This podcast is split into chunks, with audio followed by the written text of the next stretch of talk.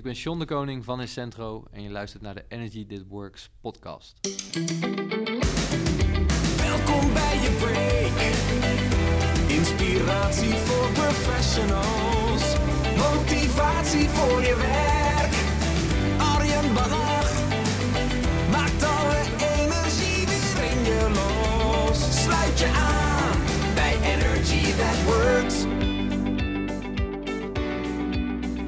Ja, hartstikke gaaf dat je er weer bij bent. Een nieuwe aflevering van de Energy That Works podcast. En zoals je hoort heb ik deze aflevering te gast voor je, John de Koning van Incentro.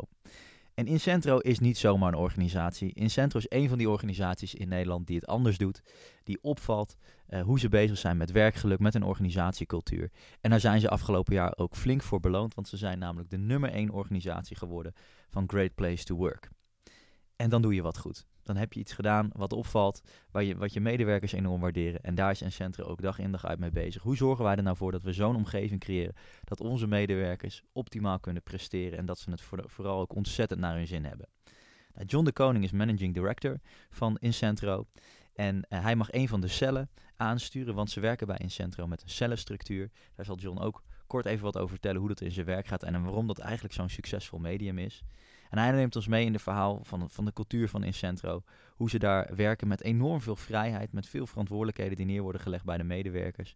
En hoe medewerkers daardoor ook echt het maximale uit zichzelf kunnen trekken en ook het maximaal naar hun zin hebben op hun werk. Een heel inspirerend verhaal over ja, een van de beste organisaties van Nederland, kun je wel zeggen. En zo zijn ze in ieder geval gewaardeerd. En toen ik daar binnenkwam, heb ik dat ook echt zo ervaren. Dus ga luisteren en kijk vooral wat je hiervan kan leren. Dan tot slot, voordat we naar het interview gaan, zou ik je nog willen eh, uitnodigen om, mocht je dit luisteren en we zijn nog niet gelinkt op LinkedIn, doe dat dan vooral. Ik vind het leuk om met je in contact te komen, te horen wat je van de podcast vindt. En mocht je ook nog interessante gasten weten, je hebt suggesties, laat het vooral aan mij horen. En altijd leuk als je even een beoordeling of een recensie achterlaat, want dat is goed voor mijn ranking. Dan nu het interview met John de Koning. Sluit je aan bij Energy That Works. Oké, ik zit hier bij uh, Incentro tegenover van John de Koning. Welkom allereerst. Dankjewel. En, en mijn eerste vraag aan jou, John. Uh, uh, waar ben je het meest trots op tot dusver in je werk? Zo, dat is een, een mooie eerste vraag. Um, het meest trots, als ik kijk naar um, de afgelopen vier jaar binnen Incentro. Ik werk nu zeven jaar, bijna zeven jaar bij Incentro. We hebben de afgelopen vier jaar een enorme groei doorgemaakt. Um, zowel in aantal mensen, wat niet per se het doel is, maar is een gevolg van uh, het succes, zeg maar. maar daarnaast ook zeker als je kijkt naar autonome, uh, het, het, niveau van autonomiteit binnen Incentro en het geluk van, uh, van mensen. Ja, de, daar heb ik aan vorm mogen geven, dus daar heb ik aan beide mogen dragen. het meest concrete is de start van een compleet nieuwe vestiging als gevolg van een splitsing, ja. die ik twee jaar geleden mocht vormgeven met een team. Dus dat is enorm ondernemend en met een team een compleet nieuwe locatie uitzoeken, een nieuwe inrichting, nieuwe propositie. Dus, en het feit dat die nu staat, daar ben ik wel heel erg trots op. Ja. Na twee jaar. Ja. Dat kan ik me voorstellen. Ja. Ja, en uh, dat is ook uh, beloond met, met een Great Place to Work Award. Nummer 1 zijn jullie ja. in, in, die, in die omvang in Nederland. En jij hebt er aan bij mogen dragen, dus jij hebt echt gebouwd aan die cultuur. Ja. hoe, laten we beginnen met waarom hebben jullie dat ooit die keuze gemaakt om je te richten op, op, op werkgeluk? Ja, goede vraag. Vroeger in Centro is in 96 gestart. Ja. Waren we een gewoon uh, IT-bedrijf dat primair stuurde op billabiliteit, op tarieven, ho hoogte van tarieven, op uh, declarabele uren, et cetera. En op een gegeven moment is wel ingezien, wacht even, daar gaat het natuurlijk niet om. natuurlijk is dat belangrijk, maar het gaat uiteindelijk om, het begint bij iets anders, namelijk gelukkige mensen. Als mensen gelukkig zijn, dan zitten ze in hun kracht. als mensen met plezier naar hun werk gaan, dan zou het zomaar eens kunnen zijn dat de goede resultaten vanzelf volgen. En als gevolg daarvan weer ook goede financiële resultaten. Uh, en dat, dat inzicht, dat is al een jaar of twaalf geleden ontstaan. Dus toen hebben we plezier heel belangrijk gemaakt. Dat heeft gewerkt. dus de loyaliteit van mensen was, was goed. onze cultuur viel ook langzaam op. En op een gegeven moment hebben we dat nog verder opgevoerd. Om, en, en geluk ook echt als primair gedachtegoed neergezet. Met ook weer dat geloof, als mensen gelukkig zijn, dan komen die resultaten vanzelf. Ja. En dat heeft zich de afgelopen jaren enorm uh, goed bewezen. En inderdaad, in 2017 nummer 1 positie. Ja. Dus dan kan je niet alleen, dan zeggen we niet alleen zelf dat wij eh, gelukkige mensen in huis hebben, maar dan, dat is ook het bewijs dat hè, door het onderzoek wat Great Place to Work doet, dat het eh, in de markt ook, eh, ook echt zo gezien wordt. En Ja. door de medewerkers vooral ook zo wordt ervaren, wat natuurlijk veel belangrijker is. Daar doe je het aan. Ja. voor. ja, tof. Hey, dan neem je die beslissing van we gaan meer op werkplezier, was ten eerste nu werkgeluk richten. Ja, Eh, maar dan vervolgens eh, moet je dat ook nog gaan doen. En ik kan me voorstellen dat het soms best wat uitdagingen met zich meebrengt. Ja. Eh, niet iedereen zal het ook begrijpen dat je daarvoor gaat. Wat, wat zijn de eerste stappen die je daarin zet als organisatie? ik moet je eerlijk zeggen dat mensen, dat het eigenlijk voor de meeste mensen gelukkig wel een no-brainer is. Oké, gelukkig. Ehm, en ehm 2002 tot 2005 k- knapte die internetbubbel. Ja. En ehm, dat was best wel een lastige periode voor Incentro. En toen waren we met 40 mensen. En toen is eh, er ook besloten om een eh, hele platte organisatiestructuur met heel veel vrijheid, heel veel vertrouwen neer te zetten. En toen dachten we, ja, daar word je gelukkig van. Dat zijn elementen waar je gelukkig van wordt. En dat is eigenlijk nog steeds zo, alleen is de organisatie gegroeid Hm. in meerdere autonome cellen. Eh, maar we hebben dus niet een enorme legacy eh, als je het hebt over eh, organisatiestructuren die meer gericht zijn vanuit traditionele opbouw. Dus command en control, dat soort principes. Die zijn eigenlijk nooit erg aan de orde geweest.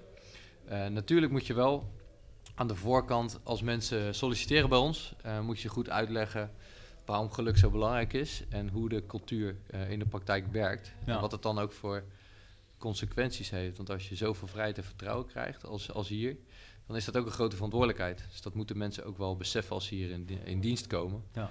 En sommige mensen kunnen dat ook niet aan. Die, eh, die hebben gewoon behoefte aan een duidelijk eh, pad en iemand vertelt wat je moet doen. En dat is bij een centrum niet aan de orde. Ja. Eh, dus ik denk dat het vooral iets is wat je moet blijven vertellen waarom het belangrijk is. Je moet het ook leven, dus je moet er actief op sturen. Eh, en dat doen we dus dagelijks door, door met elkaar over in gesprek te zijn. Ja. Eh, en primair nogmaals, het zit hem in eh, echt het geven van ultiem vertrouwen. Het, eh, het, er, is er zijn geen geheimen binnen het centrum, dus we delen altijd alles. Alles is open. Ehm, en we laten mensen zelf hun werk organiseren. Ja. Omdat zij zelf het beste kunnen bepalen wat er nodig is om op dat moment het werk op een goede manier te doen. Ja. En dat moet je dus dagelijks wel blijven doen en ook durven loslaten als management zijn. ja. En dat is denk ik nog de grootste uitdaging. Precies, dat is Ja. natuurlijk jouw taak om te zorgen dat je er niet tegenaan gaat bemoeien. Ja. Dat is soms ook lastig. En ehm, wat, misschien wel interessant is, hè, er komen, jullie groeien hard als organisatie, veel nieuwe talenten komen erbij. Hoe gaat het onboardingsproces een beetje? Want dan krijg je voor het eerst Ja. kom je echt in aanraking met die cultuur. Hoe ziet dat er beter uit? Hoe nemen jullie de mensen daarin mee?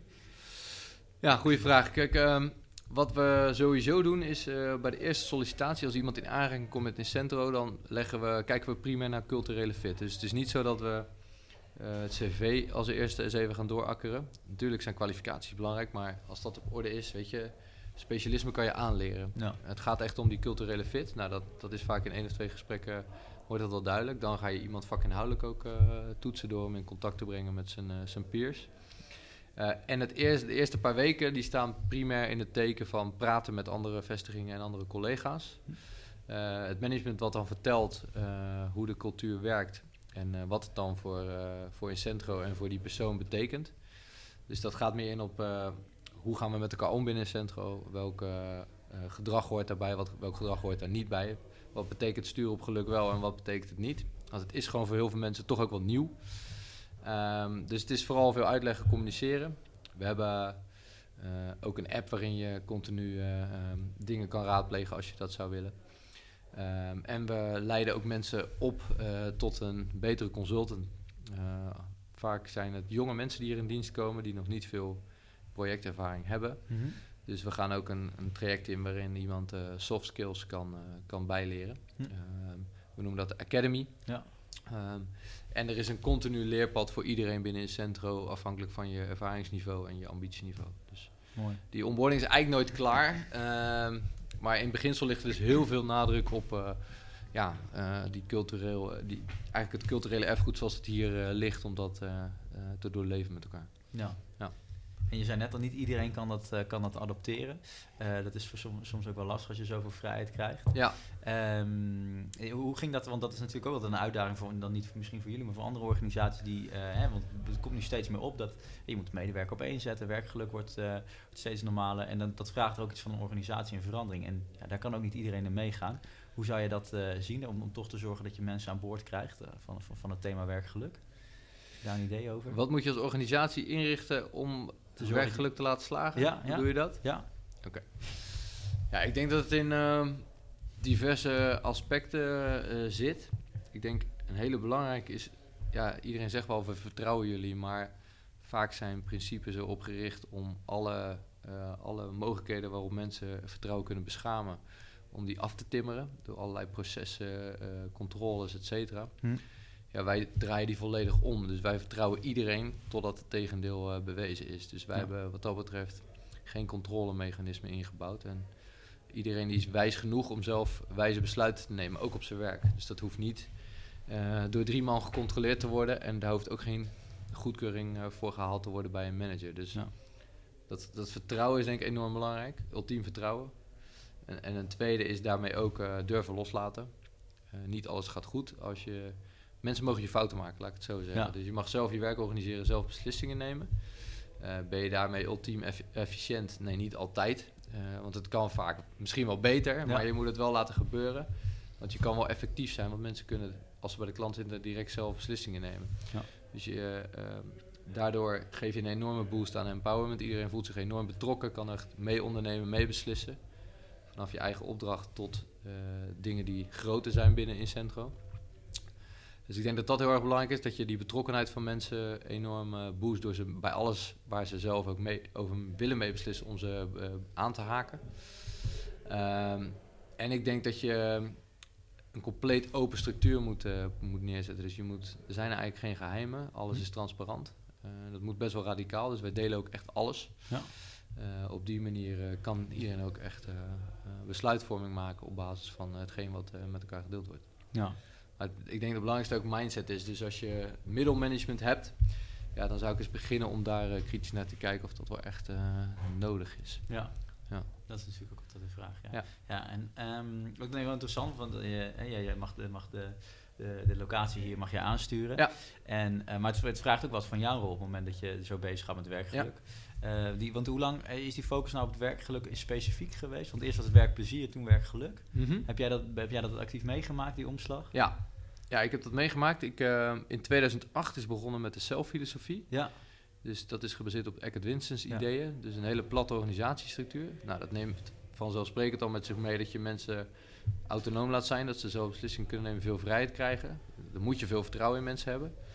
En in 2000, toen zijn we heel snel gegroeid naar 150 mensen in 2011. En toen kwam Ricardo Semler eigenlijk om de hoek kijken. Hm. Eh, we kwamen een documentaire tegen van Tegenlicht. Eh, en hetgeen wat hij vertelde, dat is precies hoe we als organisatie al eh, waren en ook wat we nog meer wilden zijn. Ja. Dus dan heb je het over nog centrale stellen van mensen in alles wat je doet. Eh, zelforganisatie, zelfsturing zijn belangrijke thema's. Dus toen hebben we ook echt gezegd, wij zagen hem en zien hem nog steeds als een van de pioniers. Ja. En dat is het moment dat we gezegd hebben, we hebben eigenlijk maar één KPI. En dat is namelijk medewerkergeluk. Ja. Dus geen financiële KPI's. Wel afspraken dat je aan een bepaalde norm moet voldoen. Want Mhm. ik denk dat zelfsturing en eh, hoge mate van eh, autonomie niet kan zonder kaders. Die Ja. moet je wel hebben. Eh, maar toen zijn we dus primair op geluk gaan sturen. En hebben we ook gezegd, Great Place to Work is eigenlijk waar het om gaat. Als wij in de top 3 eindigen elk jaar, dan zijn we per definitie succesvol. En dat weet, dat weet ook iedereen, daar handelt iedereen naar. Ja. Iedereen die binnenkomt snapt dat direct. Dus dat is de nummer 1 KPI. Ja. En eh, de rest volgt als een resultante daarvan. Dus eigenlijk sinds 2011 eh, is die, die- dat geluk is echt zo prominent geworden dat iedereen het continu doorleeft. eh. En wat vraagt het van jou als, als ma- manager-director? Manager-director van, eh, van deze vestiging?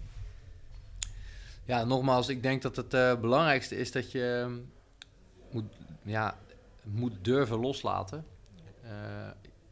In de schoolbank word je natuurlijk best wel opgeleid tot een manager die bestuurt op effectiviteit, op efficiëntie en die eh, ehm, van alles iets moet afweten. Ja. Nou, wij denk, ik denk echt dat dat totaal eh, niet meer aan de orde is tegenwoordig. Je moet wel, eh, denk ik, een generalist zijn en de helikopterview kunnen houden, maar je moet mensen die ergens de juiste beslissing over kunnen nemen, of de beste beslissing, moet je ook vooral dat zelf laten doen. Ja. Dus het is wederom weer dat loslaten. Als iemand met een idee komt of een initiatief, ga niet direct om een business case vragen of om eh ga hem bijsturen, maar ga geef hem misschien één of twee tips en laat hem dan los.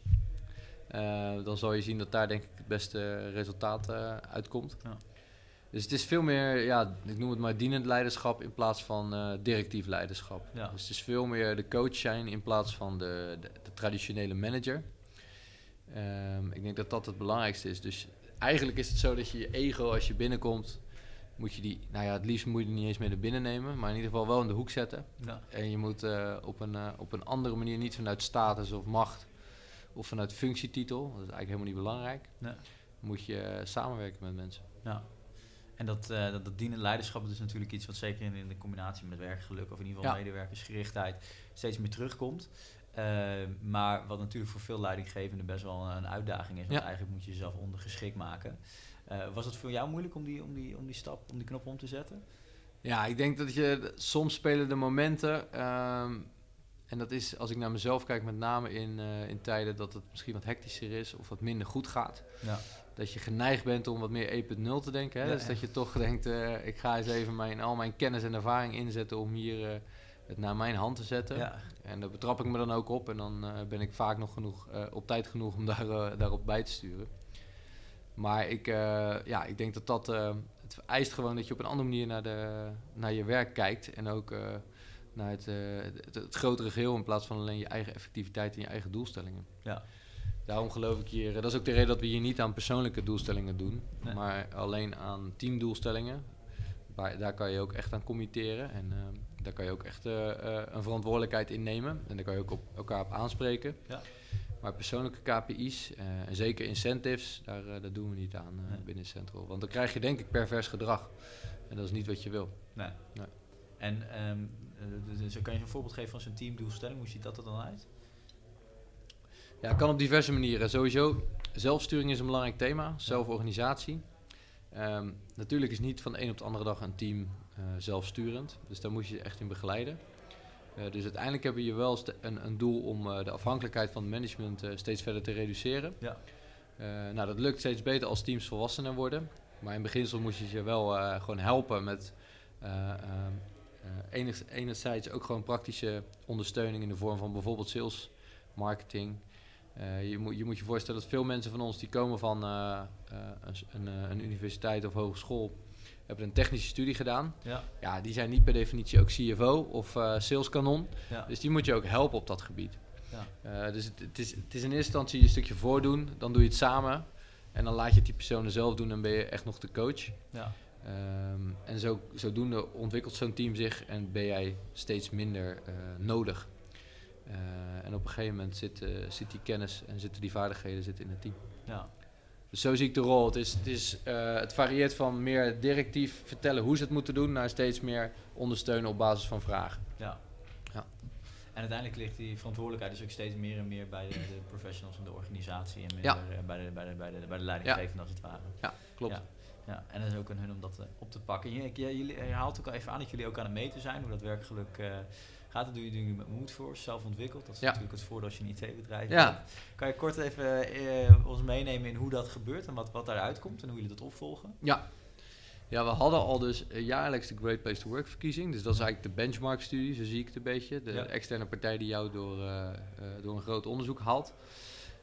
Daarnaast dachten we, ja, één, één keer per jaar, dat is niet voldoende. Natuurlijk krijg je daar wel respons uit en ook kwalitatieve input waar je mee aan de slag gaat. Ja.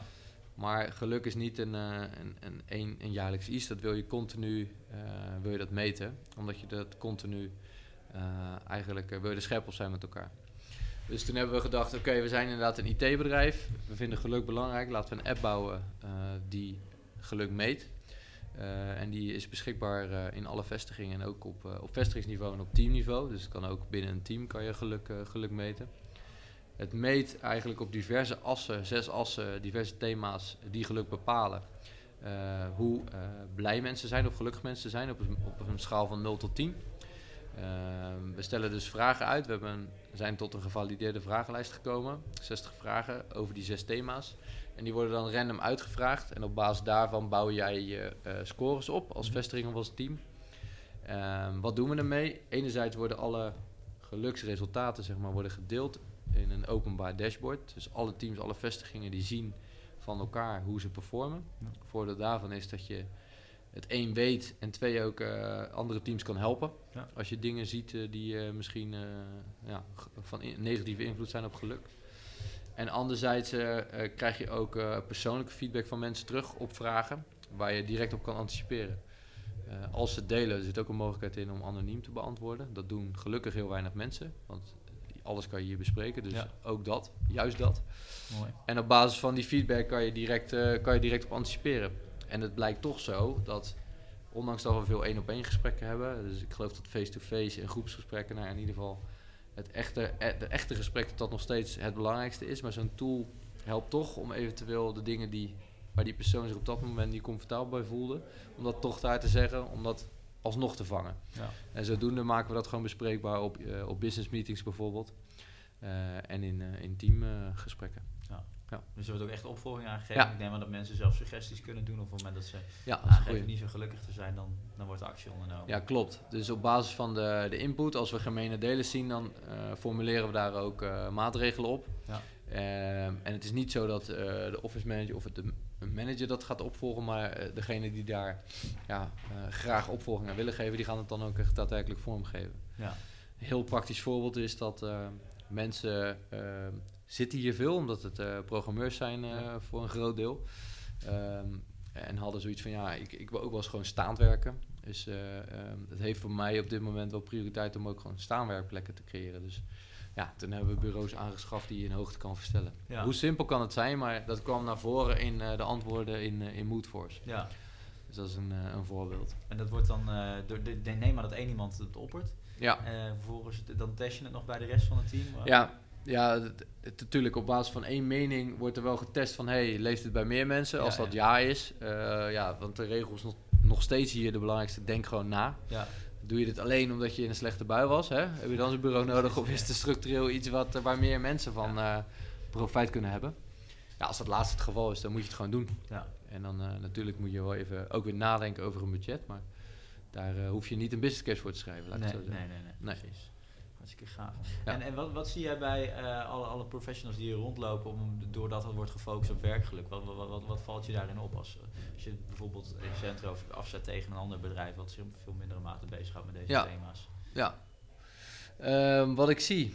Ja, ik hoop altijd, en dat gelukkig ehm, is dat over het algemeen wel zo, dat ik eh, oprecht blije mensen zie als ik Ja. binnenkom. Eh, die dus dat ook uitstralen. Nou, dat gebeurt hier veel. Ehm, dus je ziet het enerzijds door gewoon eh, vaak een lach op het gezicht. Dat is Ja. belangrijk. Eh, daarnaast zie je dat mensen ook vaak wel teruggeven van... joh, wat we hier doen is eigenlijk best wel bijzonder. In vergelijking met eh, of mijn andere werkgever of wat ik van vrienden hoor.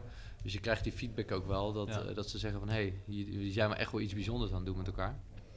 Ehm, dus dat zie je terug. Ehm, en je ziet ook veel initiatief ontstaan. Ik denk dat dat heel belangrijk is. Als je, als je vrijheid en vertrouwen krijgt om gewoon je, eh, de dingen die, waar jij in gelooft... om dat ook echt te gaan doen Ja. of om iets te gaan ontwikkelen waar je in gelooft, dan, dan ontstaan er ook dingen. Dus je ziet ook mensen heel erg enthousiast worden als ze hun idee, als ze dat ook om kunnen zetten tot eh, eh, een daadwerkelijk iets. Ja. Dus die betrokkenheid die we proberen te creëren, die medezeggenschap, ondernemerschap, ja, dat, dat zie je er ook echt uitkomen. Ja. Zelfs zo concreet dat de mensen een eigen cel starten en ook echt een eigen ja, ondernemer, ondernemerschap eh, starten. Ja. Dat is een beetje het gevolg van de vrijheid die je dan Ja, dat is precies. Vrijheid en vertrouwen en dan... eh, ja. Ja. Hey, ik wil zo naar de one-minute questions gaan. Eh, korte vragen over jou als persoon, hoe jij eh, in elkaar zit rondom, eh, rondom geluk en energie.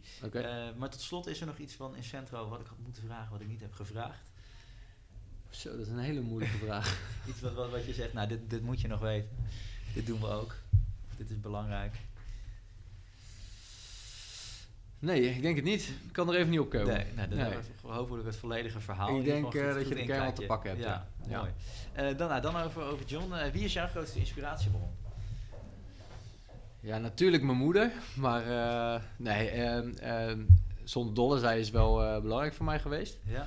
Ehm, ze is de laatste zes jaar geleden overleden. Maar eh, altijd wel een inspiratiebron van mij eh, geweest. En als je het dan hebt over onze visie op werkgeverschap. Ja, dan vind ik hetgeen wat eh Jos de Blok nu aan het doen is eh, met buurtzorg. eh, die was toevallig drie weken geleden bij ons. of niet toevallig, we hebben hem uitgenodigd. Hij wilde graag met ons komen praten, met het management. Ja. En met mensen die fanatiek met zelfsturing binnen de organisatie bezig zijn.